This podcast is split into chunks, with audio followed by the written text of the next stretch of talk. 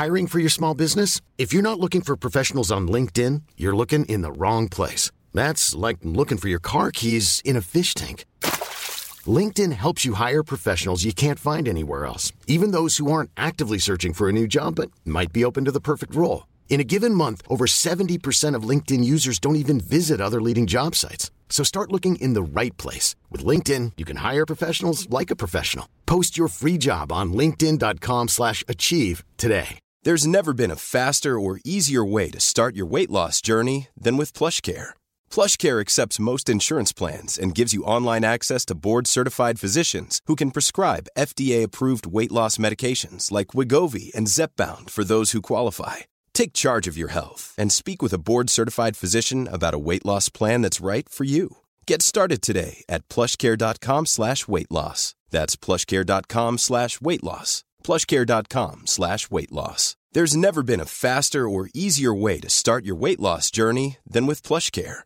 PlushCare accepts most insurance plans and gives you online access to board-certified physicians who can prescribe FDA-approved weight loss medications like Wigovi and Zepbound for those who qualify.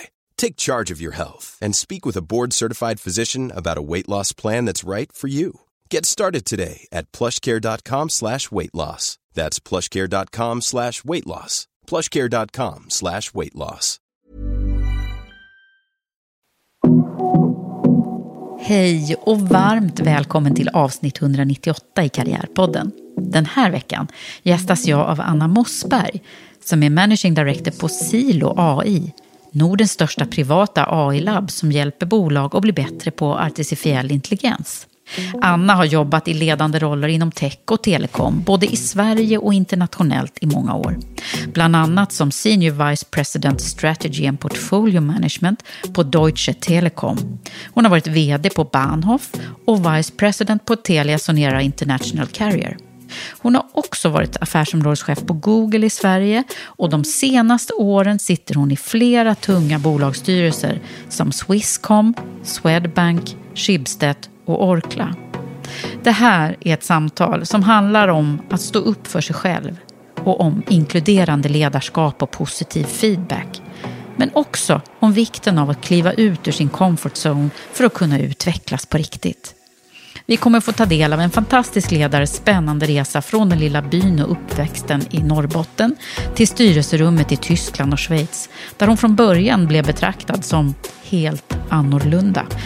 Innan vi drar igång vårt samtal så vill jag passa på att tacka Karriärpodden och Women for Leaders samarbetspartner, nämligen Volkswagen Group Sverige. Tack för att ni gör det möjligt för mig att fortsätta sända Karriärpodden och lyfta fram fler förebilder.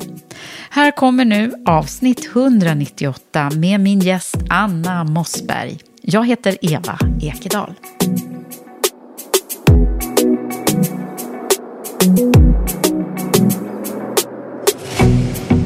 Anna Mossberg, välkommen till Karriärpodden. Tack snälla du. Äntligen! Ja, verkligen. Är du här? Äntligen. äntligen. Eh, ja, och, eller, det är så himla roligt för att eh, vi känner ju varandra lite grann sedan tidigare. Ja. Eh, genom framförallt att du är mentor i eh, vårt mentorprogram som vi Ja. gör ihop med Svenska Amerikanska Handelskammaren i New York. Precis. Och sen har jag haft span på dig och eh, försökt att googla också eh, massa på dig här nu innan. Eh, men då inser jag att det här är första podden. Ja. Så det är skräckblandad förtjusning.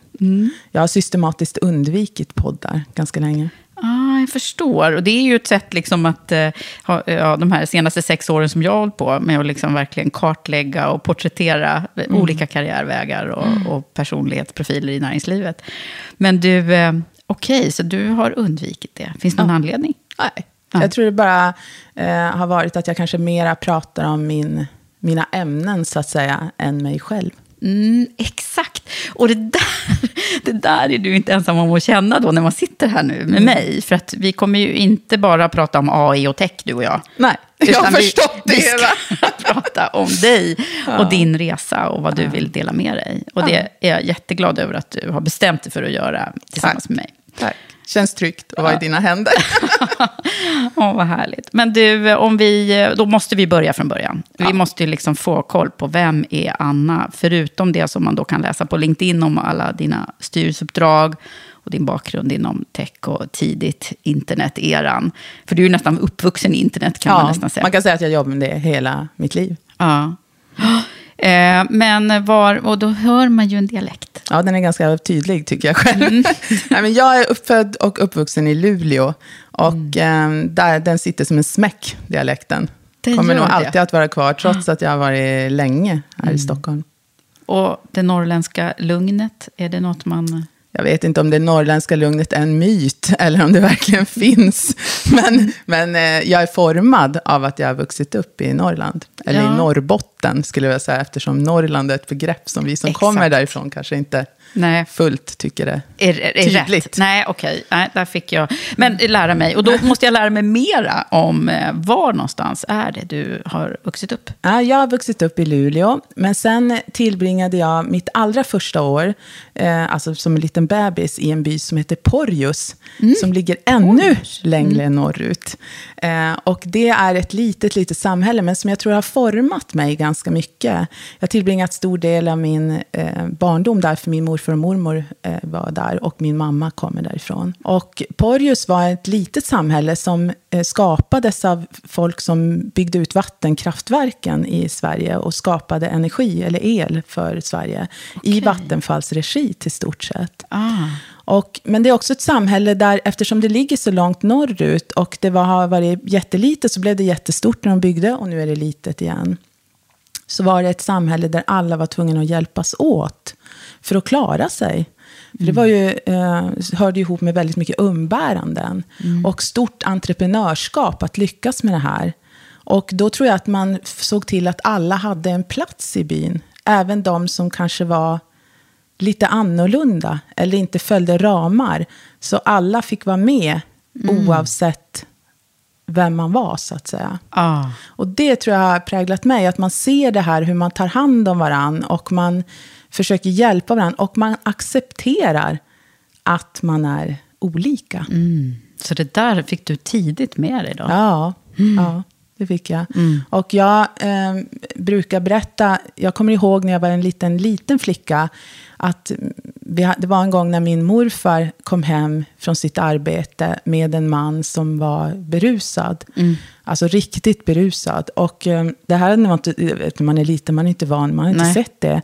Och han var alkoholiserad. Och han går upp med den här mannen på övervåningen och badar honom. Då hjälper honom att tvätta sig.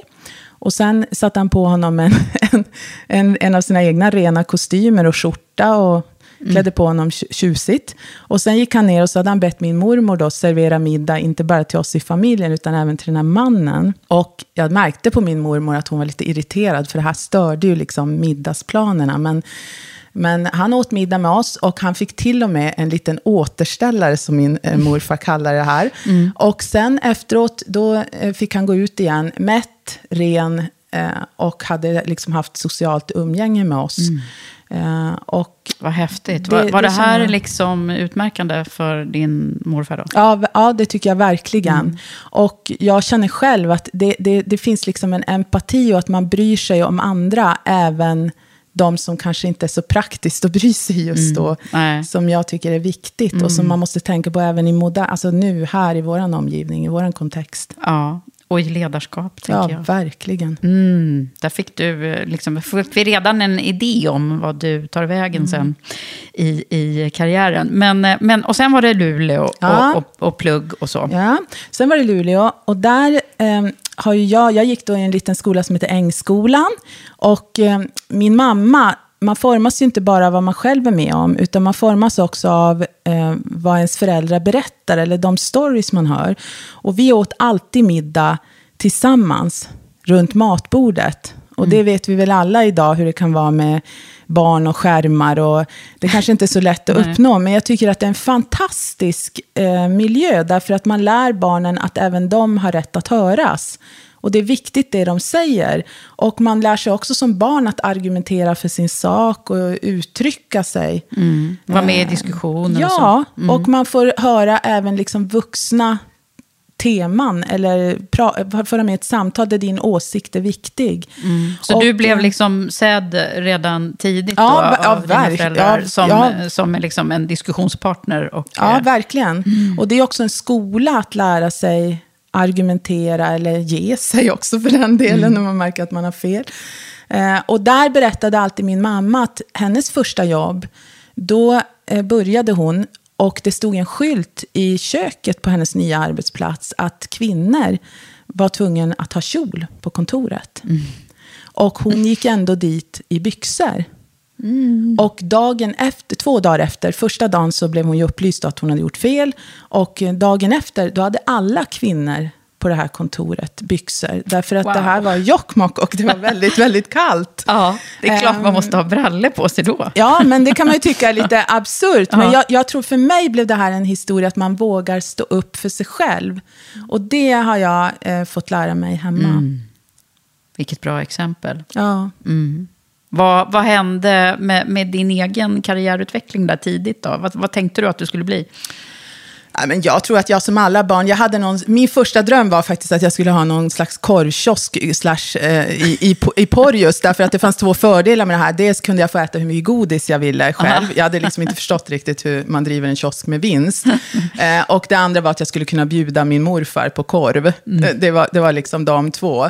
Så att jag, jag eh, ja, men, men jag hade egentligen ingen karriärplan. Och jag tror att det är något som många unga kan känna en viss stress över. Att mm. varför vet jag inte exakt vad jag vill bli. Mm, verkligen. Och med, i det samhälle vi lever, alltså jag var på någon konferens där det var någon inspirationstalare som sa att 86 procent av yrkena som våra barn kommer ha är inte uppfunna ännu. Men så har det ju alltid varit, mm. näst, alltså i alla fall de senaste hundra åren mm. har det varit så. Ja, inte visste du att du skulle liksom ja, podda tror jag inte, ja, podda tror jag inte heller var liksom någon riktig karriär för ett tag sedan. Nej, så, att, eh, så jag tror att därför så behöver man inte känna sån stress för det. Och även faktiskt i min ålder behöver man inte känna någon stress över att jag vet inte vad jag vill bli när jag blir vuxen. Nej. Utan jag ser livet som en möjlighet för oss att få prova olika saker. Mm. Och testa sig själv och följa sina passioner och det man är nyfiken på. Mm. Verkligen. Och det sa jag senast häromdagen faktiskt när jag pratade med en person i min närhet. Som, eh, som, eh, det är ju så många som känner det här. Att man, mm. man, man borde liksom veta vad man vill. Mm. Eh, men det är ju verkligen så. Så har det varit för mig också. Mm. Jag hade ingen aning om att jag skulle sitta här och Nej. Och jag har många som frågar mig när man har utvecklingssamtal med personal och så vidare, att de säger att ja, men jag tycker att det är så svårt liksom, att sätta vad, vad vill jag om fem år eller om tre år och mm. målstyra det här. Och då kan man ju veta sin, sin liksom moraliska kompass och vad, i vilka miljöer, var trivs och vad gör jag mig själv mest, var kommer jag till rätta? Mm. Det vet man oftast var man inte ska vara.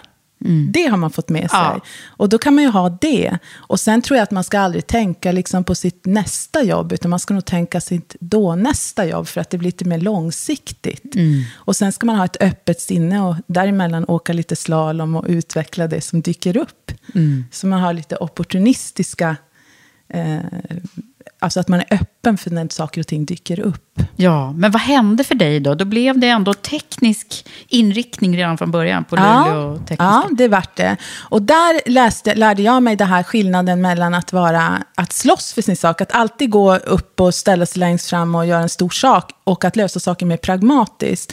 Jag gick på en teknisk gymnasieskola som heter Midskogsskolan. Och där fanns det, när jag gick där, fanns det en toalett för, för, för tjejer, så att mm. säga. Mm. Och resten var, det var en gammal gymnasieskola som hade funnits länge. Och från början var det väl bara män som gick på den här.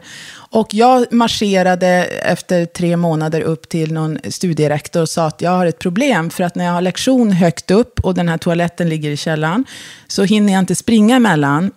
och då sa vederbörande till mig att ja, men det är kanske meningen att kvinnor inte ska läsa teknik, eller tjejer, sa den här personen.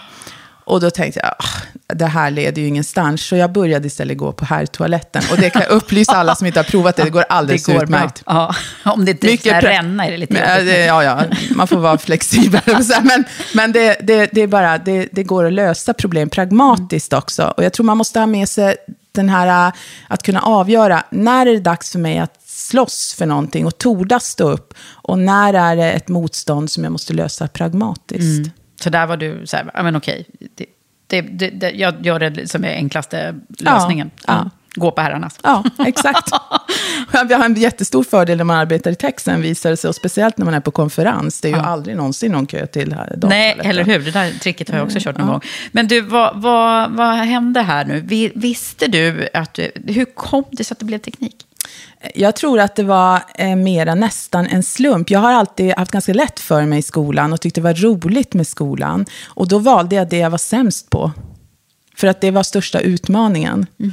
Och eh, ja, det ena där är gav ju inte helt andra. vanligt, Anna. Eh, Man brukar också kunna välja det som man har lite lätt för sig. Ja, Men du valde tvärtom. Ja, men jag tyckte att jag ville nog ha lite utmaning. Och jag tycker att saker är roligare om det är något att bita i. Svårt. Antingen något jag inte kan, alltså jag har chans att lära mig någonting. Eller att jag känner att det här säger de är riktigt svårt. Och tänker att äh, jag ska nog klara det här. Eh, Så jag, jag gillar en utmaning. Och det började nog eh, exemplifieras redan där. Mm. Så, så jag valde det. Och sen tror jag också att jag har valt att hålla alla dö- dörrar öppna så långt som möjligt. Så jag har ju valt en ganska bred eh, utbildningsbakgrund. Jag har gått industriell ekonomi på eh, universitet och jag har pluggat i Luleå, i Saarbrücken i Tyskland och på KTH, min grund. Precis, så det var ju ganska mycket studier redan från starten där. Ja, jag tyckte det var roligt. Ja. Kommer du från en akademisk familj? Eller var du... Nej, det kan man inte säga att jag kom. Alltså jag en generation bak, men just mina föräldrar, eh, de var ju liksom inte efterkrigsbarn, men de, jag brukar säga att min mamma är den första generationen tonåring i Sverige. Och eh, de valde ju lite, det fanns ju så väldigt mycket jobb i Sverige, så min pappa har studerat inom det militära, men det är ju inte att de har gått samma akademiska bana som Nej. jag har gjort, det har de inte. När du tänker på liksom din, din skoltid, Mm. det kan ju vara olika åldrar, men vad, vad, vad, vad, vad tänker du på då när du ser dig själv? Ja, jag, jag tyckte att det var roligt. Jag tyckte det var roligt och jag kände nog som att eh, jag ville bli klar för det fanns en hel värld att upptäcka. Lite den känslan hade jag. Ja, men sen tror jag precis som alla andra tonåringar att man har verkligen sina dalar och toppar och det är massa dramatik och det finns kompiskap och vänskap och eh, du vet allt som händer när man har ett föreningsliv. Alltså jag spelade basket och, och eh, allt vad som händer med kärlek och man ska komma, komma på vem är man själv och vem är man inte och vad är viktigt för mig och mina värderingar. Mm. Vad var dina och- bästa stunder och vad var de sämsta under den där? Gud, eh, ja, men jag tror, jag tror, eh, om man sammanfattar hela perioden så kan man säga att det var bra.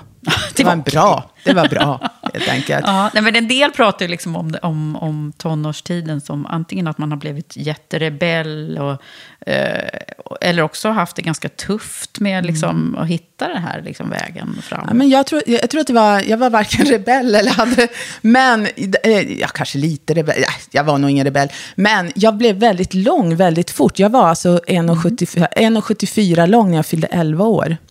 Så jag var inte superblond och söt, det var jag inte.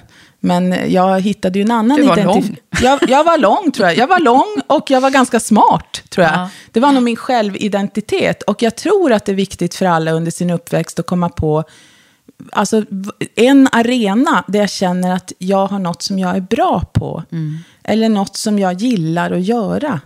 Och Fick att du höra att du var liksom duktig och bra? Ja, det, och varje gång jag tittade min pappa i ögonen så såg jag bara som en storm av beundran. Och det önskar att alla barn skulle få uppleva. Att se eh, någon människa titta på dem med beundran i blicken. Och jag hade flera sådana. Jag hade min mamma, jag hade flera. Och sen har jag en syster som jag har vuxit upp med. Som är två år, två år, och, två år och sju månader yngre än mig. Och... Eh, hon har ju alltid funnits där.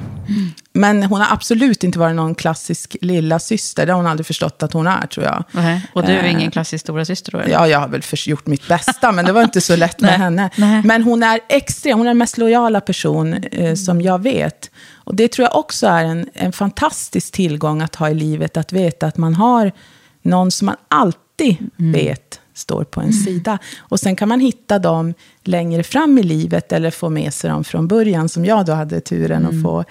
Men jag tror det är viktigt att känna det. Mm. Det låter ju väldigt härligt. Ja. Ja. Hur kom det sig att du eh, liksom skulle ut i världen sen då? Vart det för litet där uppe? Ja, ja, det tror jag. Och jag tror min pappa manövrerade hela sin karriär för att vi inte skulle behöva flytta. Det är ju vanligt i militärfamiljer Ja. att man flyttar. Och han manövrerade, gjorde allt han kunde för att vi skulle få vara kvar i Luleå. Och det gav ju oss väldigt stabil uppväxt. Men det enda vi ville göra när vi blev stora var, det var att flytta därifrån. Gjorde din syster också det? Ja, ja, ja. Okej. ja hon är också här. Vad hände då? Ja, men jag, eh, på, jag studerade och sen var det ju så att när man var klar med studierna på den här tiden, då eh, sökte jag olika traineeprogram. Mm, det var ju Och, eh, inne då. Ja, det var jätteinne. Det visste inte jag, men jag flög hem en gång och då satt det någon gammal klasskamrat bredvid, sättet bredvid och berättade att det här var inne. Så då sökte jag och eh, fick eh, traineeplats på Tele2 och på Telia. Och valde Telia. Eh, tack och lov, säger jag idag, därför att jag har träffat några av mina allra bästa vänner på detta traineeprogram idag. Och jag har även genom Telia en stor arbetsplats, och där har jag träffat flera som är min, alltså även inte bara på traineeprogram, utan jag som har jobbat med, som är mina bästa vänner idag. Ja, och det var också här du fick en uh, gyllene möjlighet. Ja, gud, verkligen. Jag har fått flera. Det var en väldigt bra skola att vara på ett så stort företag och få så mycket ansvar redan från början. Men jag tror den bästa skolan jag hade, det var eh, när jag efter ett tag så ringde en person upp mig och frågade att ja, vi har ju märkt att du är bra på att bygga saker och vi ska starta en carrier. Vill du göra det? Eh, och det är alltså en inte, när man bygger internet, s- riktigt, alltså core-nätet på internet. Och det tackade jag till. Till. Och eh, eh, ibland är det fantastiskt när man är ung och naiv. Och man ska aldrig sluta vara det, tror jag. Eller hur? Utan man ska bara ta sig an och våga prova saker. Och det, ja, det är läskigt. Men när man är ung reflekterar man inte ens över det. För man är inte alls rädd att misslyckas. Och även när man blir lite äldre, det är inte så farligt att misslyckas. Nej, det är ju inte det. Så jag, jag hoppas Så du sa verkligen- ja? Jag sa ja. Och sen byggde vi detta bolag och jag var i största delen av tiden på ett flygplan. Och först gick vi in i första vändan 17 länder. Så vi startade bolag i. Och sen kom jag tillbaka för en andra vända här. Och då gick vi in totalt så vi blev 27 länder.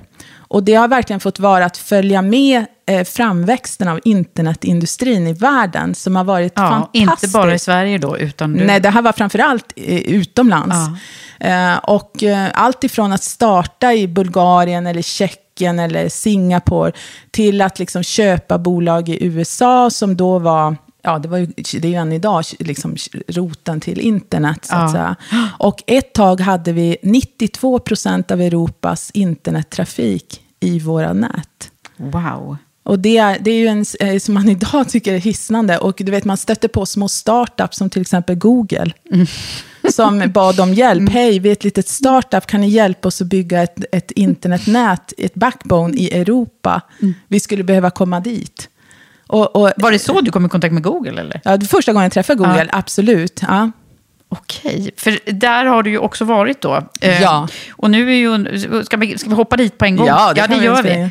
Ja, berätta, hur, hur var det då? Och vad gjorde du där? Ja, men där eh, arbetade jag då med, eh, för, alltså jag var affärsområdeschef på Google och hade då folk hos mig som jobbade med olika industrier i Sverige. Allt från automotive till finanssektorn, till techbolag, till retailbolag och så vidare. Över många olika industrier. Och vi hjälper dem med deras digitala transformation och hur de ska sälja och marknadsföra sig på internet.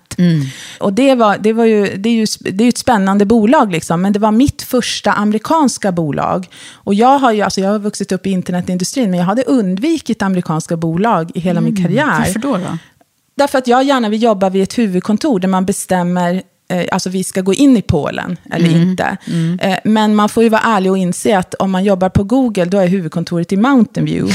Och Sverige är liksom outskirts of Europe. Så jag hade ganska mycket förutfattade meningar kring det här. Och kände att ja, men här är vi ett liksom, ja, långt bort säljkontor. Som med, utan speciellt mycket påverkansmöjligheter. Men jag hade fel. Så jag, jag fick gärna, man kan göra mycket mer än vad man tror. Men naturligtvis så är det ett amerikanskt bolag. Så Ja, jag fick de- de nyansera på min bild. jag, sätt. jag fick nyansera min bild när jag var där. Ja.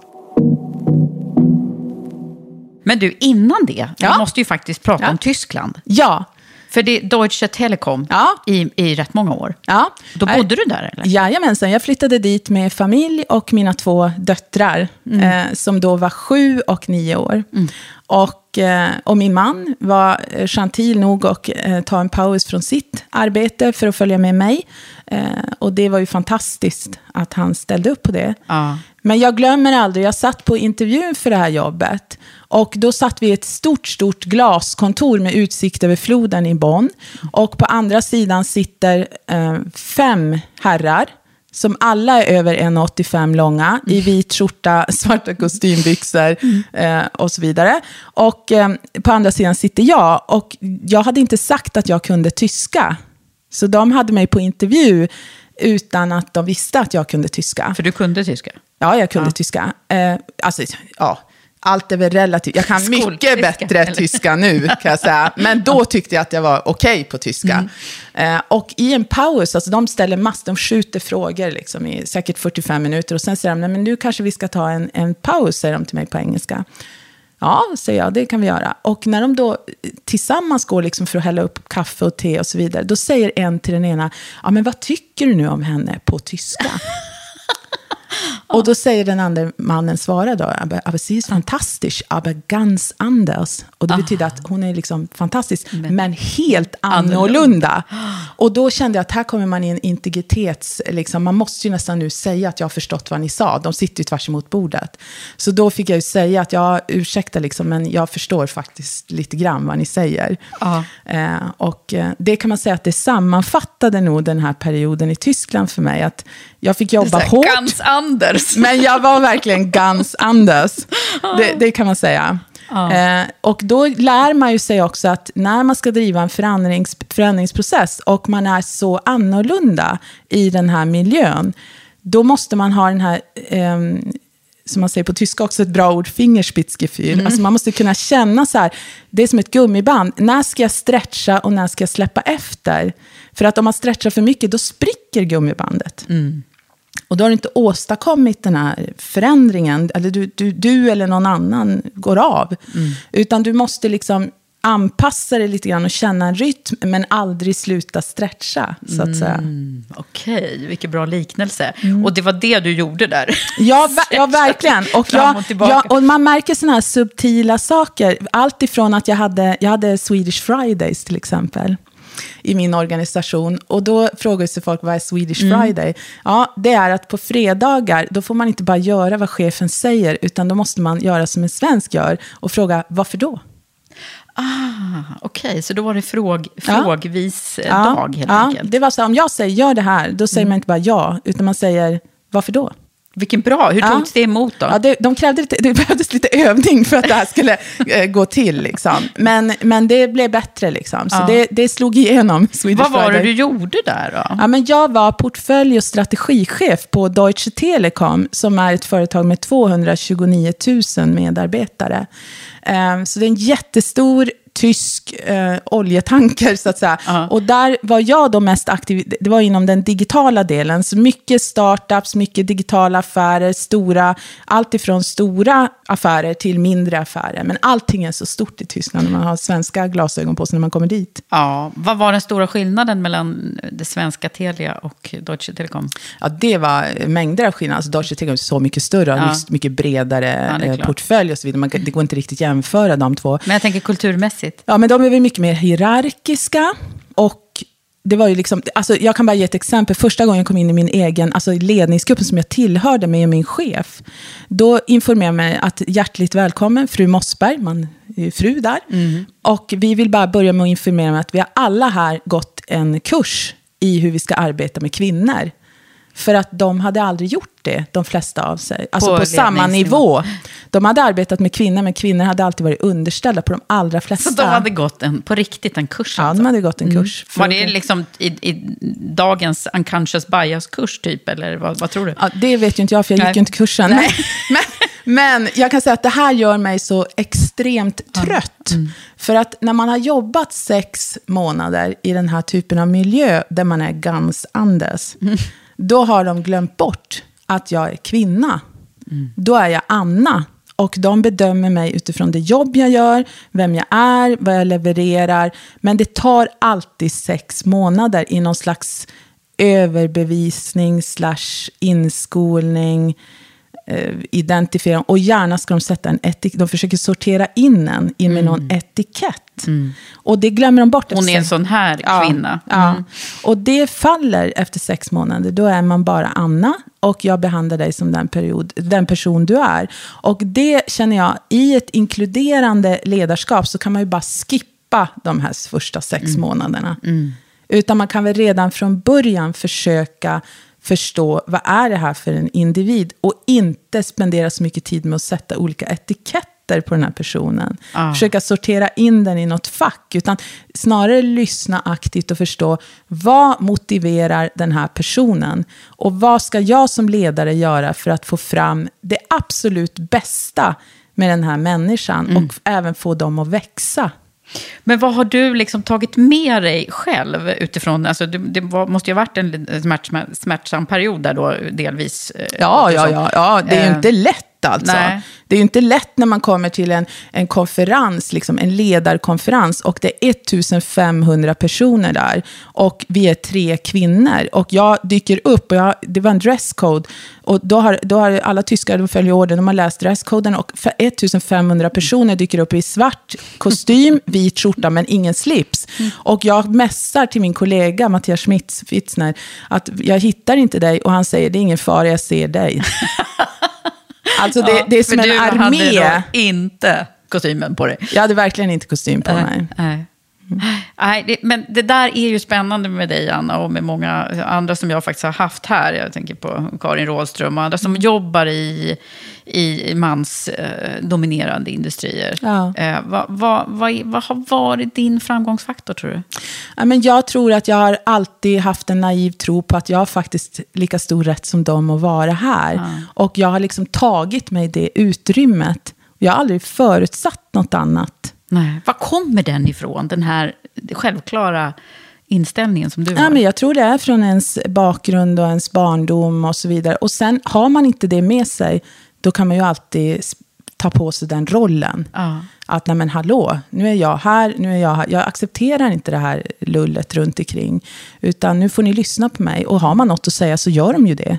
Det är bara att man önskar att man kunde snabbspola de här sex månaderna ibland. ja, men verkligen. Att man slapp där. Och det hör jag än idag i styrelserum kan jag höra ibland. Den här gamla sägelsen att man rekryterar män på deras potential och kvinnor på deras erfarenhet. Och det är inte bara ett ordspråk, det sker. Det sker, och ja. det måste man sätta stopp för. För att man kan inte använda de orden. Man kan inte ens prata om folk när man tittar på en kvinnlig CV och man säger att ja, hon kan göra det här för hon har gjort exakt samma sak förut. Och medan en man så tittar man på och säger att han har potential. Men Mm. Ja, kvinnor det har ju också potential. Det här är Word, säger jag nu, och viftar med händerna här som inte syns i podden. Men det är ju delvis den anledningen till vi, varför vi startade EQ, Executive Search, vårt Ja. searchbolag, som, som, där vi vill förändra det här Ja. tänket. Och det är ju inget man gör i en handvändning. Nej, det är inte. Men, men, men vad kan man göra? Ja, men man kan ju kräva att man får en shortlist. Som när man rekryterar har man först en lång list och så en shortlist. Att man får en shortlist med lika många kandidater ur varje kön. Och jag vet att att det inte bara inkluderar kön. Kön är ju ganska en av många faktorer.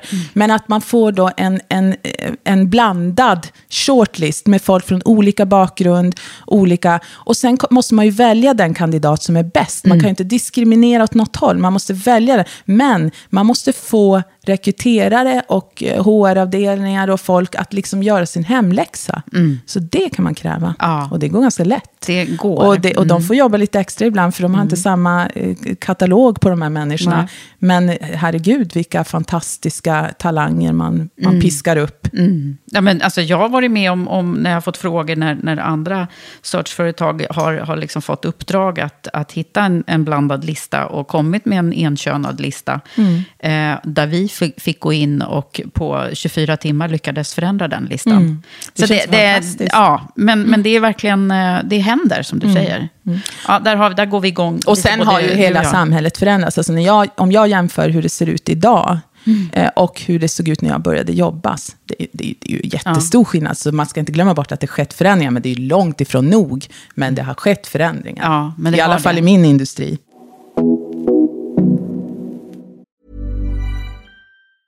I'm Sandra, and I'm just the professional your small business was looking for. But you didn't hire me because you didn't use LinkedIn jobs. LinkedIn has professionals you can't find anywhere else, including those who aren't actively looking for a new job, but might be open to the perfect role, like me.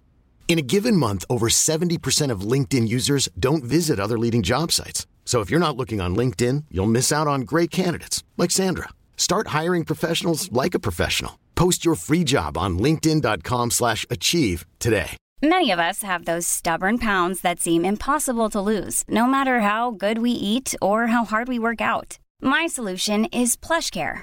PlushCare is a leading telehealth provider with doctors who are there for you day and night to partner with you in your weight loss journey. They can prescribe FDA-approved weight loss medications like Wagovi and Zepbound for those who qualify. Plus, they accept most insurance plans. To get started, visit plushcare.com slash weight loss. That's plushcare.com slash weight loss. Hey, it's Ryan Reynolds, and I'm here with Keith, co-star of my upcoming film, If, only in theaters May 17th. Do you want to tell people the big news? All right, I'll do it. Sign up now and you'll get unlimited for $15 a month in six months of Paramount Plus Essential Plan on us. Mintmobile.com slash switch. Upfront payment of $45 equivalent to $15 per month. Unlimited over 40 gigabytes per month. Face lower speeds. Videos at 480p. Active Mint customers by 531.24 get six months of Paramount Plus Essential Plan. Auto renews after six months. Offer ends May 31st, 2024. Separate Paramount Plus registration required. Terms and conditions apply if rated PG. Ever catch yourself eating the same flavorless dinner three days in a row? Dreaming of something better? Well, HelloFresh is your guilt-free dream come true, baby. It's me, Gigi Palmer. Let's wake up those taste buds with hot, juicy pecan-crusted chicken or garlic butter shrimp scampi. Mm. Hello Fresh. Stop dreaming of all the delicious possibilities and dig in at HelloFresh.com. Let's get this dinner party started. Hey, Dave. Yeah, Randy. Since we founded Bombus, we've always said our socks, underwear, and t shirts are super soft. Any new ideas? Maybe sublimely soft. Or disgustingly cozy. Wait, what? I got it. Bombus. Absurdly comfortable essentials for yourself and for those facing homelessness. Because one purchased equals one donated. Wow, did we just write an ad? Yes. Bombas. Big comfort for everyone. Go to bombas.com slash ACAST and use code ACAST for 20% off your first purchase. Men du, sen, vi måste ju vandra här nu längs mm. vägen. Ja, Tyskland och Google och, och sen hittar vi ju en mängd eh, styrelse, intressanta stora styrelseuppdrag som du har ja. haft de senaste åren. Ja. Och där kan jag berätta ja. hur jag fick mitt första. Ja, det är intressant. Jag fick då ett samtal från en headhunter som kände till mig också från Tyskland, hade hört mig, och frågade om jag vill vara med i processen för att sitta i Swisscoms styrelse. Mm. Och eh, Swisscom är då en stor teleoperatör i Schweiz och Italien. Och de är börsnoterade. Och jag tänkte, ja visst, liksom. Och eh, det är klart att man känner så här, oj, men jag kommer ju aldrig få det här, tänkte jag. Mm. Så jag förberedde mig inte ens på intervjuerna. Alltså jag bara satte mig på ett flyg till Schweiz och så sov jag en natt på ett hotellrum och så skulle jag vara, de är väldigt punktliga, så mm. jag skulle vara där sharp åtta. Och då menar jag alltså Ja. Då är man där, åtta. Ja. Eh, och så, så tänkte jag på kvällen på mitt hotellrum, för alla kan drabbas av en liten sån här, men gud, vad har jag gjort? Mm. Och jag kommer ju aldrig klara det här, det tror jag alla kan känna mm. ibland. Och jag tänkte, men gud... Imposter just... syndrome. Ja. och ja, snart kommer de komma på mig. Ja, mm. ja men lite så. Mm. Och jag satt där på mitt hotellrum i Schweiz och tänkte, nej men herregud, det är jättelänge sedan jag pratade tyska. Jag kommer knappt ihåg hur man säger hej och jag har inte pratat ett ord tyska på flera år nu. Mm. Så jag tänkte, jag slår på tvn. För då hör jag lite, kommer in i mm. tyska språket. Och eh, slår på tvn och det är en intervju där någon reporter står och intervjuar någon, någon schweizisk bonde. Och jag förstår inte vad rapporten säger och inte vad han svarar, den här bonden, på dialekt. Nej. Eh, och då känner jag, nej men herregud, jag dör. Alltså jag fick verkligen, jag bara tänkte, vad har jag gjort? Liksom. och, men det var ju för sent. Det var bara att gå och lägga sig. Och det är det jag menar, att hur, hur liksom farligt kan det vara? Jag men tror- hur gick det då? Ja, det, uppenbarligen Ja, gick det ju bra då, jag fick ju det fick då. det. Jag, jag fick ju då uppdraget, men jag tror just den här att kliva utanför sin egen trygghetszon, det är jobbigt, det är hårt arbete, Mm. men man måste göra det om man ska fortsätta växa som människa och som i sin yrkesliv också. Mm. Så jag tror man, om man inte känner att jag har ingenting som känns lite läskigt, då måste man nog fundera hur ska jag skaffa mig det? Det där är bra. Det där är riktigt bra. Det hoppas jag att många får sig en liten tankeställare när de hör. Mm. Ja, men så- Inklusive jag själv. Ja. Eh, fast jag tycker att jag gör läskiga saker hela Ja, tiden. Så sitter jag här och Jag pratar tycker med också massa jag gör läskiga saker idag. Ja, sitter men det gör du ju. Ja. För du tyckte att det här egentligen var lite obekvämt. Ja, tycker jag. Ja. Men eh, sagt och gjort, jag fick Ja. eh, schweiziska uppdraget. Och sen sitter jag då också i Swedbank, Mm. som har varit en resa.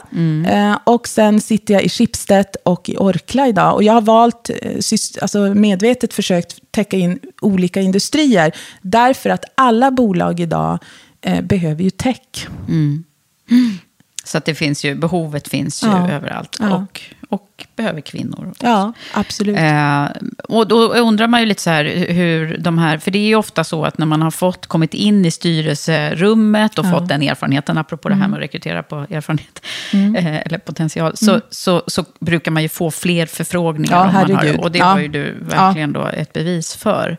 Eh, men eh, om man Och nu... det är ju fantastiskt. Alltså man ska ju vara ödmjukt tacksam. Ja. Att folk är intresserade av en och att man på något sätt har lyckats förmedla att man gör ett bra jobb. Mm. Så det är ju fantastiskt. Och det är ju, det är ju en ynnest att få vara med och hjälpa till i de här bolagens utveckling och framdrift. Och, och även se till att för aktieägare och övriga intressenter att allt går rätt till och att det Mm. styrs på ett effektivt och, och riktigt sätt. Mm. Om jag tänkte vi kunde uppehålla oss lite där kring styrelsearbete, för det är ju, eh, alla, vi vet ju inte liksom hur det går till egentligen i de här, vi som sitter inte med i de här Mm. tyngsta styrelserna.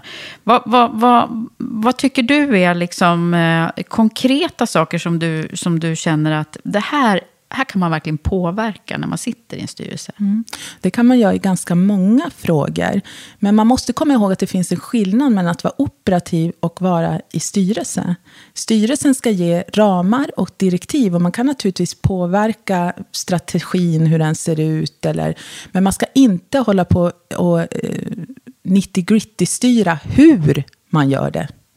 Utan det är vd och organisationens uppgift. Sen kan man kontrollera och man kan naturligtvis tycka om saker, men man ska inte Gå in och peta. inte för mycket. Då har man tappat vad är styrelsens roll. Så, så man kan påverka mycket, men det kan också, har jag märkt, då, vara väldigt frustrerande om man är van att kunna påverka direkt. Att man måste lite grann tänka om hur påverka. Genom att ställa frågor, genom att naturligtvis erbjuda, men inte påtvinga eh, hjälp, så att säga. Och att välja, lägga stor vikt i att välja rätt ledning. Och ge dem inriktningsbeslut så att de sen kan agera och ta utvecklingen framåt. För det är, ju, det är ju det som är nästan det viktigaste, eh, om jag har förstått det rätt. Liksom att styrelsen eh, hjälper och väljer som sagt var rätt Absolut. ledning. Eh, men du, nu gick ju du ifrån operativ ledarfunktion och så gick du in i de här många styrelseuppdragen Ja. då, som du har haft de senaste åren. Ja. Nu kommer vi ju till nuläget då, för nu har du ju faktiskt tagit klivet att, att gå in i ett chefsjobb igen. Ja, det har jag. Parallellt med att Ja, du det ska ha kvar jag. några av styrelseuppdragen. Ja, ja jo, jag kommer ha kvar de här fyra styrelseuppdragen. Och sen eh, har jag tagit på mig att bli eh, ledare för Silo AI i Sverige, som är ett machine learning och artificiell intelligensbolag. Eh, bolag som hjälper bolag att, att accelerera sin utveckling av antingen funktioner eller sitt eget AI-arbete. Och otroligt spännande område. Jag känner mig som ett barn i en godisaffär, för att det är så himla roligt. För att AI är verkligen en teknologi som man kan använda på så fruktansvärt många olika sätt. Att, att förbättra både processer och produkter. Och jag tror att det, det kommer att forma om extremt mycket i både vårat, i våra liv och i många bolags liv. Och då tror jag att det viktigaste erfarenheten som jag kände varför jag gjorde det här, det är att det är så extremt många som står och pratar om AI Ja, och machine learning. eh, på konferenser och buzzword. det är mycket eh, fina bilder på olika japanska robotar och så vidare. Men AI är redan här. Det är inte någon framtidsgrej, utan det är redan här. Och enda sättet att komma igång är att börja, starta och prova. För det är, ett, det är ett lärande att ha det här, att jobba med det här.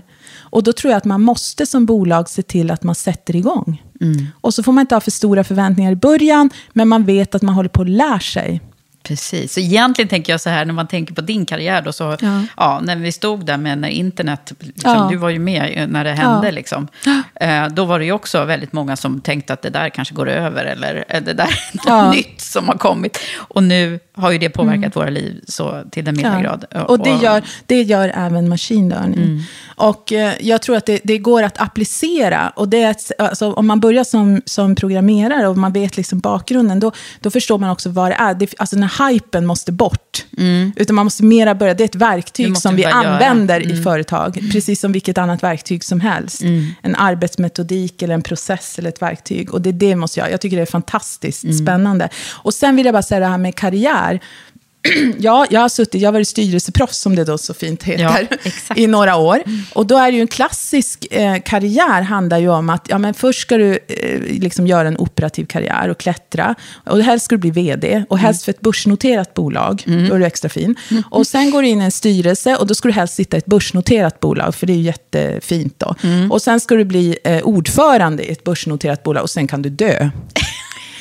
Och det tycker jag känns väldigt, väldigt gammeldags. Det Karriärklyschan i- av Anna Mossberg. Ja, och det tror jag är ett extremt gammeldags sätt att jobba och att tänka kring karriär och vad man vill göra. Så det, och och det, det, det, det där är passé. Utan man måste prova olika, vi pratar om gig economy. Alltså att man ska prova olika saker. Och det är bara, jag ser på dig Eva också, du är mitt inne i det också. Eh, Att du har många strängar på din lyra. Och det tror jag, det, det fortsätter att utvecklas i den riktningen. Och eh, det kommer att vara så. Så jag, jag tycker det är roligt att stiga in och blanda. Och det har jag gjort nästan i hela min karriär. Att jag har växlat mellan strategi och operativt. Och liksom försökt upptäcka nya. Och man blir bättre på vad man än gör om man har sett flera olika sidor. Exakt, jag tror verkligen att det ligger mycket i det här. Och det, det är ju också, mm, om vi bara, jag vet inte om vi ska fastna i det, men det, det här med liksom att när, när vi nu har sökt efter kvinnor, kvinnlig representation också i fler styrelser, Ja. så är det ju några som har valt det spåret till fullo. Och sen liksom fortsatt i den. Ja. Så jag är så glad när jag, när jag studerade ditt eh, CV. För att eh, du bryter ju lite mot det då. Annars skulle man kunna liksom ha tänkt, och då tappar man ju de här liksom, operativa, duktiga kvinnliga ledarna som kan ta de tyngsta uppdragen. Det behöver inte vara att man blir vd i börsnoterade bolag, men att är med och, liksom, och, och ratta de, de stora företagen in i framtiden. Där Ja, det- behöver vi ju ha eh, mixade ledningar. Liksom. Absolut. Eh, Och sen tror jag att man är ju en individ. Och som individ måste man, man ha bara ett liv. Så man måste ju få välja att göra det man själv vill med det. Om man har möjlighet naturligtvis. Och det- Växte det här fram, undrar jag, Anna, hos dig? Eh, Eller hur, hur, hur gick det till liksom, när du tänkte att men nu, nu måste jag... Eh, eller, alltså, nu tänker jag inte bara, bara sitta i styrelser. Det är nog inte så bara. Men... Nej, men det är ju som sagt, jag tror att för mig, eh, jag hade en, en upplevelse som jag var med om för, nu är det drygt ett år sedan, när jag, du vet man går på, man har lite hosta, man går till doktorn och helt plötsligt så, så sitter man på lungonkologiska på Karolinska och eh, man tror att man har lungcancer och man läser, googlar på lungcancer och man ska aldrig googla på sjukdomar, det, Det det, ska man absolut inte göra. Man kan googla på mycket andra saker, jag älskar Google, men, men kanske inte ska googla på sjukdomar. Och så börjar man läsa liksom fakta, det är extremt hög dödlighet och här sitter jag och det sitter folk i det här eh, väntrummet och de, de, de här har inget hår. Och, du vet, man, alltså det, det är en fruktansvärd upplevelse som, som är man i den processen, då får man ta en dag i taget och göra det bästa man kan. Men det blir ju knivskarpt. Vad är egentligen viktigt i livet? Vad är egentligen viktigt i livet och vad vill jag göra? Och jag kände efter den här att jag blev väldigt, väldigt kräsen. Alltså jag, livet är kort, det är skört. Och man måste ta tillvara på och göra säkert att man umgås med människor som ger en energi och som är snälla. Vilken underskattad egenskap Mm. snällhet är. Och man måste se till att göra saker som man tycker är roligt och intressant.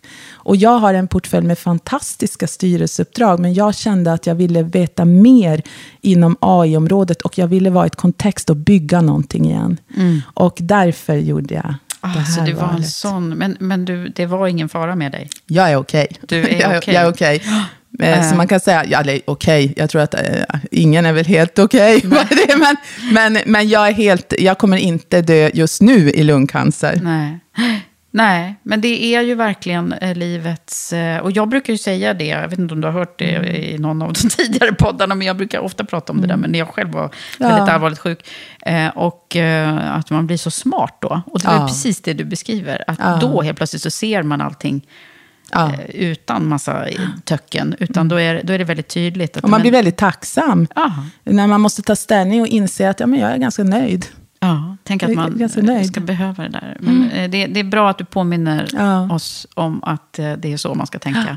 Och nu är du i de här spännande eh, nya världen då, som ju fortfarande är det för mig, även om du säger att vi ska eh, vänja oss vid att det inte är så Mm. Ja, jag tror du använder AI dagligdags, Ja. utan att du vet det. Alltså hur sökresultat filtreras fram, eller vad du får för rekommendationer på Netflix. Eller, Ja. alltså, det, det finns överallt, liksom, i många, många... Hur, när du ringer till en kundtjänst, vad, vad svarar, hur svarar chattbotten i kundtjänsten när du chattar med dem? Alltså, det finns AI i många, många ställen. Men det kommer att accelerera, det är det enda vi vet. Det är det enda vi vet. Du, när man tittar på din karriär, Anna, vad, vad, vad, vad har... Du vet, jag brukar prata om toppar och dalar, nu har vi kommit dit. Mm. Vad, vad, vad, vad ska du highlighta för eh, moment eller eh, Ja, men- stund? Ja, men jag tror, som, som, jag, jag, jag har ju verkligen fått ynnesten att jobba med fantastiska människor. Och känna att man bidrar till att man uppnår något tillsammans. Men kanske också att man får dem att växa som människor.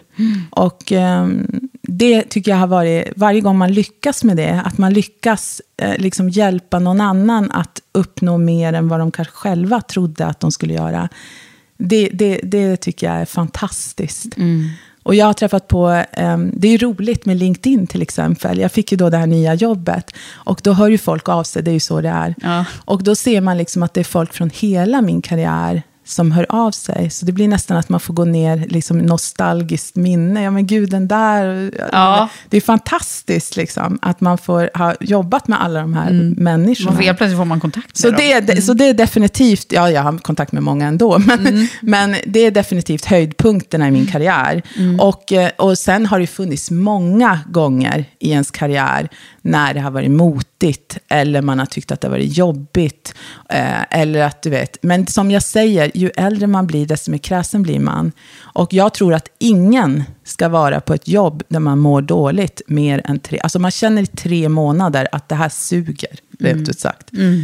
Då är det bara, Då är det- då, då du är är, dags. fri. Då är det dags att ta dina skor och gå ut från det kontoret. Har du gjort det? Ja, det har jag verkligen gjort. Och jag har inte varit rädd för det. Nej. Och det löser sig. Och jag tror att, klart, alla jobb kan ha upp och ner. Det kan vara en vecka som är dålig. Men man ska inte vara i en miljö eller tillsammans med människor där man inte mår bra. Då ska man ta sin väska och gå, tycker jag. Livet är för kort för det. När har du inte mått bra då? Ja, men det har nog varit några gånger i mitt liv och då har jag aktivt tagit beslut och bytt. Det, det, det tror jag. Och det kan kännas läskigt ibland om man känner så är det här rätt eh, steg? Men det är det. Vad är det som får dig att inte liksom, gilla läget då? Det, det kan ju vara olika saker. Att det blir alltså beslut, om man är en stor firma kan det ju vara att eh, folk tar beslut som är naturligtvis bra på den, men det missgynnar den del man själv är på. Eller man tycker inte att det stämmer överens med den vision man har för det man jobbar med. Eller att man hamnar bredvid någon person som man inte tycker är bra. Och, och speciellt, det är ju extremt viktigt. Det viktigaste i ens karriär är ju nästan att man väljer rätt chef. Som så många andra sagt i den här podden. Verkligen. Ja, du ser Ja. att jag bara ler lite, Ja. för det, det brukar Ja, men komma det tillbaka. är, och det är väldigt viktigt. Och jag, har, jag har haft turen att ha haft fantastiska chefer. Eh, som, som har varit helt, eh, ja, riktigt bra ledare. Men jag har också haft några dåliga. Och det leder oss osökt in på eh, det här med ledarskap. Och jag, jag har ju en samarbetspartner som heter Volkswagen Group Sverige. Ja. Och de är så bra på att lyfta frågan om det här med eh, hur vi kan jobba med eh, inkluderande ledarskap. Ja. Så de skickar med en fråga eh, varje gång som just ber dig, och du har redan varit inne på det några gånger, men om du skulle kunna få eh, exemplifiera, vad, vad är inkluderande ledarskap för dig? Mm. Ja, men jag tror att jag har jobbat i en extremt eh, diversifierad miljö kan man säga på ett sätt. För att om man jobbar i 27 länder, då kan man ju inte säga att ja, men vad har du för kultur? Alla har ju olika kultur. Och då måste man göra sin hemläxa som chef och vara väldigt noga med att tala om vad är det vi förväntar oss. För nästan alla människor vill göra ett bra jobb. Men ofta så har de missförstått vad, det, vad är ett bra jobb. Så det är otroligt viktigt att lägga först, vad, vad är det vi vill att du ska göra? Och hur, vad är viktigt och vad är okej och vad är inte okej i den här miljön? Så företagskultur versus liksom din kultur som du har med dig in. det- Den, den tycker jag ibland att man slarvar med. Det ger grogrund, det är liksom basen för ett inkluderande ledarskap. Och sen bort med de här etiketterna. Utan försök istället se, vad är det här för individ? Och hur ska vi tillsammans göra så att den här individen kan åstadkomma så mycket som möjligt? Och det handlar ju mycket om att skapa trygghet. Alltså den här personen ska inte behöva vara som alla andra här. Utan den måste få vara sig själv. Men hur ska jag som ledare kunna accelerera genomslagskraften för den här personen på ett bra sätt? Genom att se vad motiverar just dig, eller vad har just du för talanger? Och inte försöka slipa av oss så att du ska bli som alla andra, utan lyfta fram just dig. Det är ett inkluderande ledarskap och det bygger på att man känner sig trygg. Och det här med trygghet, för mig, jag har alltid varit super, super, nästan nördigt intresserad av hur får man ett team som är bra att bli. Alltså de där extra 10 Ja, procenten. men berätta. Och det är många som har lagt jättemycket tid och kraft på att skriva böcker och Ja, prata om herregud, har massa här. dysfunktionella team. Och hur gör man när det är omgiven av idioter? Som, Det är bra, alltså det är bra böcker, det är inte det. Men, men det var väldigt få när jag började jobba som var fokuserade på hur gör man ett redan bra team ännu bättre.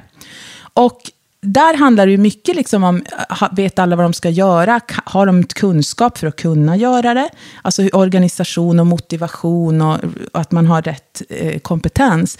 Men det finns en faktor som är mycket mer viktig än alla de andra tillsammans. Okej. Och det är positive affirmation. Alltså att man ger positiv feedback till folk. Och ju mer konkret man gör det här, desto bättre. Så jag tror att alla kan öva på det här. Och jag har gjort det i alla mina ledarroller, har jag jobbat med det här. Men just feedback är ju ett område som Ja. är eh, väldigt spännande, som jag ägnar mig väldigt mycket åt Ja. också. Eh, och, och jag håller helt klart med dig. Ja. Men vad, vad, vad säger du rent allmänt om feedback? Är det liksom, eh, många företag pratar ju nu om att bygga en feedbackkultur Mm. och man gör, eh, man gör också liksom konstruerade feedback. Jag jobbar ju med det också, ska inte säga att det är dåligt, utan det är ju ett sätt att få igång Mm. Ja. tänket. Liksom. Men, men vad, vad säger du, kan, kan det bli för mycket? Ja, ja, ja det, tycker jag, det tycker jag faktiskt. Och det är inte någon populär åsikt just idag. Men jag, jag har stött på väldigt många, speciellt unga människor, som har fått så mycket feedback. Det börjar redan när de går i skolan. Får de feedback av, av mam- massa tyckare. Liksom, Ja. Till höger och vänster. Och alla tar på sig någon slags självutnämnd så här, expertroll. Att jag ska ge dig feedback. Och det är klart att min feedback är sann. Men det är ju inte säkert att den är det. Så jag brukar dra upp en fyrfältare. Klassisk eh, strateg, strateg som jag från början var. Där man måste ta ställning till vad är det jag vill förändra. Och vad vill jag inte förändra? Det är ditt val. Och vad jag kan förändra och vad jag inte kan förändra? Och det finns ju saker hos mig till exempel som jag jättegärna skulle vilja förändra, men jag kämpar på. Liksom. Det, det, går ju, det rör sig framåt, men det går inte fort. Och det finns andra saker som är lätt för mig att förändra när jag får feedback. Men sen finns det saker som folk säger åt mig, ja men du borde bli så här och så här. Och jag vill inte bli sån. Och det tror jag inte alltid man har reflekterat över när man är ung. Nej. Utan då är man så snabb att hoppa till, i den miljö man befinner sig. Nu säger min ledare, att, eller min chef, att det här och det här tycker vi om dig. Mm. Ja, då hoppar jag dit. Och till slut har man hoppat så många gånger så man vet knappt... Vad man, själv, vad man har för inre kompass själv, menar Exakt. du? Mm. Så, så positiv affirmation som är liksom autentisk, specifik feedback av positiv natur. Det föder att vi tillsammans blir mer effektiva, blir bättre. Alla törs säga vad de vill. Man känner sig trygg i det här sällskapet. Men att ge feedback, då måste man göra det med varsam hand, tror jag. Och man måste ta reda på, har den här personen fått in sin kompass? Och det ska liksom gynna eh, den man ger eh, en, en positiv utveckling. Och, Och precis samma det man sak- kan förändra. Och sagt. samma sak är ju att ibland får man feedback som man faktiskt kan välja att strunta i också. Mm. Jag har några gånger också eh, varit med om att man liksom frågar, vill du ha feedback? Eh, och och den, den är inte alltid så klockren tycker jag, den frågan. Därför att ofta så, man kanske inte alls är beredd på att ta emot Nej. den här feedbacken. Kanske mår jättedåligt just idag. Ja. Eller, eh, Ja. Men ändå så, man säger ju väldigt sällan nej. Nej, det är Eller lite hur? svårt. Och jag tror att det där måste man, man måste kunna lyssna. För Mm. den dag man börjar stänga och inte lyssna på någon. För den som säger så här, vill du ha feedback? De är ju oftast ganska motiverade att ge feedback. Exakt, de har Så ju de någonting något. som... Ja, de vill ha något de vill säga. Och då tror jag, det är klart man ska lyssna. Men sen måste man ta hem den informationen och säga så här, okej, vad sorterar jag in det här jag just fått reda på i de här fyra fälten? Mm. Är det här något jag vill och kan förändra? Eller inte? Nej, precis. Att man gör om det. Och det, det, du sa någonting väldigt klokt som jag också brukar säga när vi, när vi föreläser om det där. Det är ju eh, det här med att, att man är, eh, det är din sanning. Men det, Mm. det är ju, så att man måste ju alltid börja med så här, när, när det här händer så, så händer det här i mig. Ja. Alltså det är så man ska ge, liksom när man jobbar med Ja. eh, strukturerad feedback. Att man, att man behöver ta till sig själv eh, och göra om det till en känsla. Mm. För annars blir tyckande som du säger. Precis. Gud, det här skulle kunna bli ett eget avsnitt. eh, feedback heter det. Feedback eller inte. ja, exakt. Ja, men du, eh, vad härligt. Eh, nu ska ju du också få feedback. Nej. Nej, men jag tänker så här nu, att jag skulle vilja ta mig tillbaka till, till dig och eh, din person och eh, vem du är. Och då brukar jag ha ett, ett område som jag brukar kalla för emotioner. Ja. Det är spännande va? Ja. Känns lite läskigt men Ja, spännande. Ja, nej men eh, då undrar jag så här, eh, när blev du senast och vad kan göra dig riktigt arg? Riktigt arg kan jag bli när folk utsätter andra för eh, alltså onödig elakhet. Eller liksom... eh, alltså leker Gud med deras liv, brukar jag säga. I en, nu pratar jag om ett arbetskontext. Då. Det finns väl andra gånger jag blir arg bara för att du vet, man, Ja. någon snor ens parkeringsplats. något. men, men riktigt arg blir jag när folk leker Gud med någon annans liv. Därför att jag tycker att vi alla är individer. Så till exempel när folk säger att Nej, men vi tar inte den här personen för den är överkvalificerad.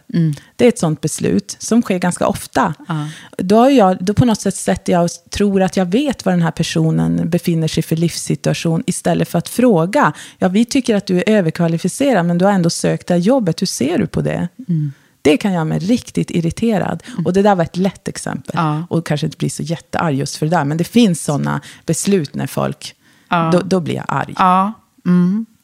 det låter som du har, har några sådana som Mm. du har relaterat till. Ja. Mm. Ha, när, eh, när blev du senast riktigt ledsen?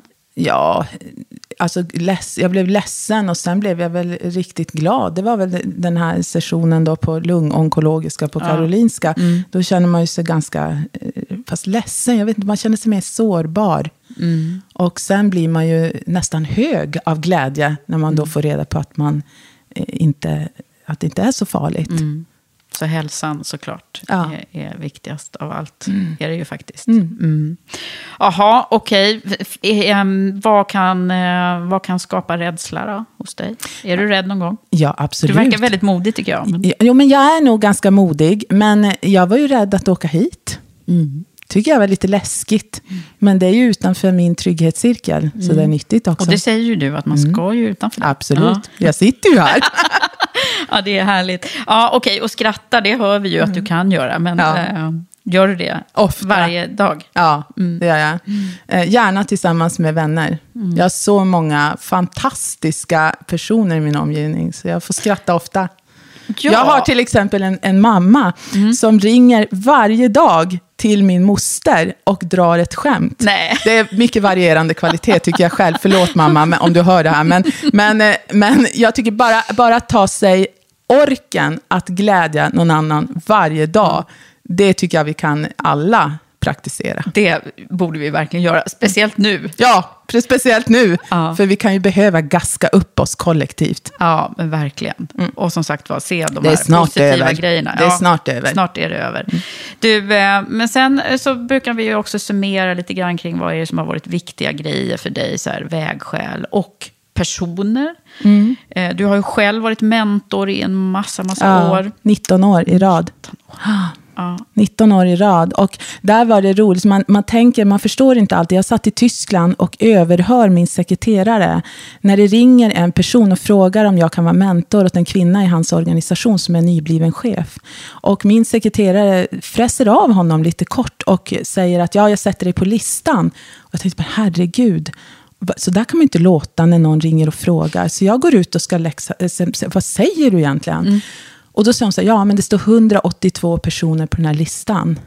På, på att vilja... Att få, en ment, att få mig som mentor. Och då förstår man, det är, ju, det är ju för att det var så stor organisation. Det är ju inte för att det var jag, utan det var ju för att det var så stor organisation. Det fanns inga andra kvinnor, eh, nästan. Och då, då, alltså på den nivån. Och då hade ju alla de här män hört av sig och sagt att kan du bli mentor åt den här personen, eller jag vill ha en mentor. 182 personer, då måste man börja tänka så här, jaha, men hur ska jag Alltså är det först till kvarn eller den som har mest ska man- behov ja. eller den jag kan bäst bidra till? Eller vad, Hur ska jag välja ut det här? Och då, det är då man förstår att man är Gans Anders igen.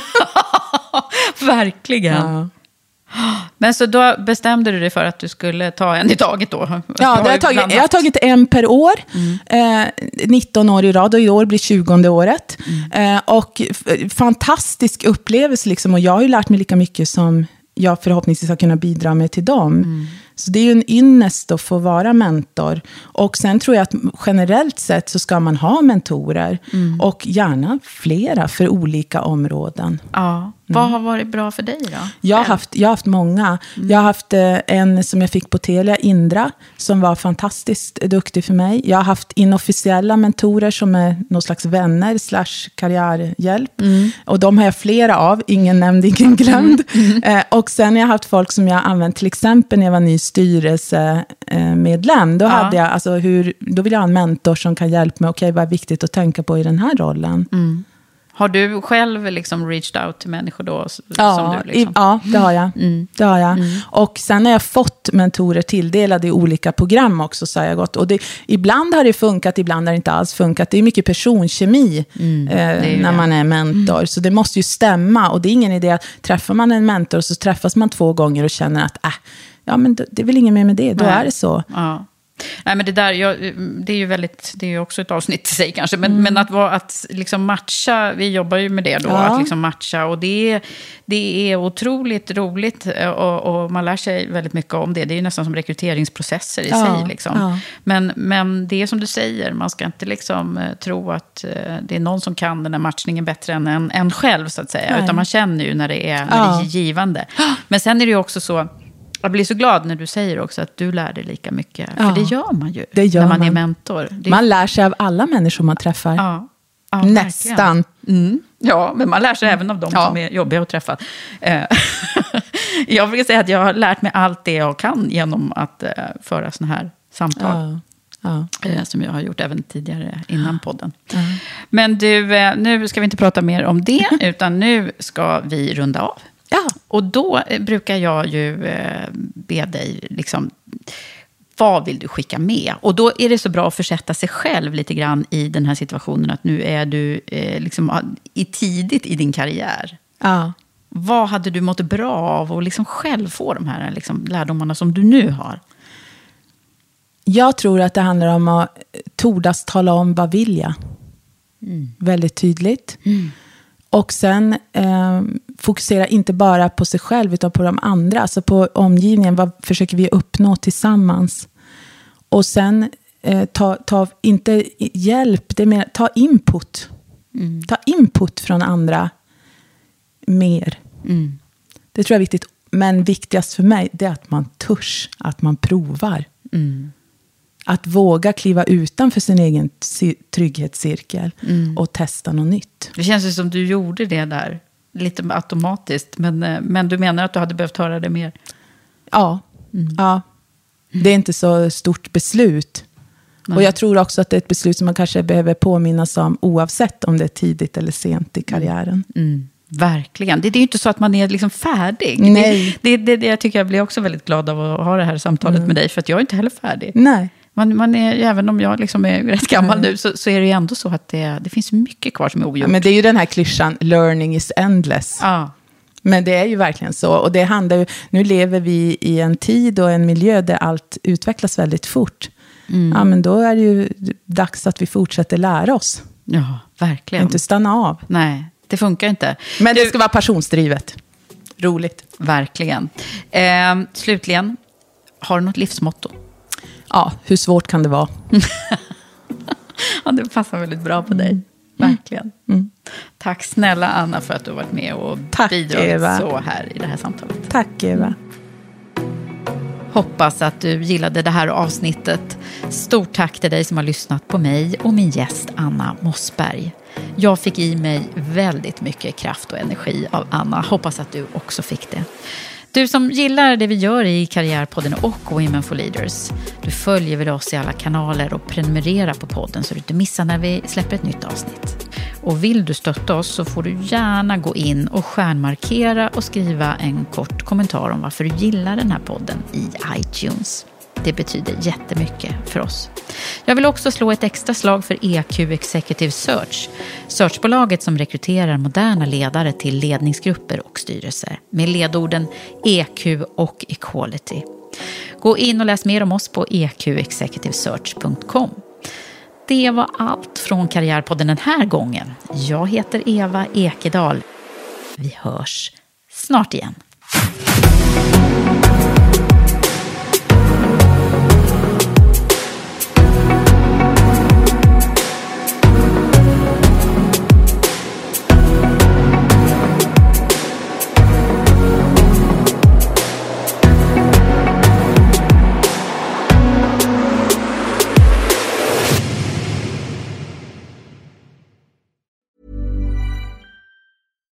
When we're on a budget, we still deserve nice things.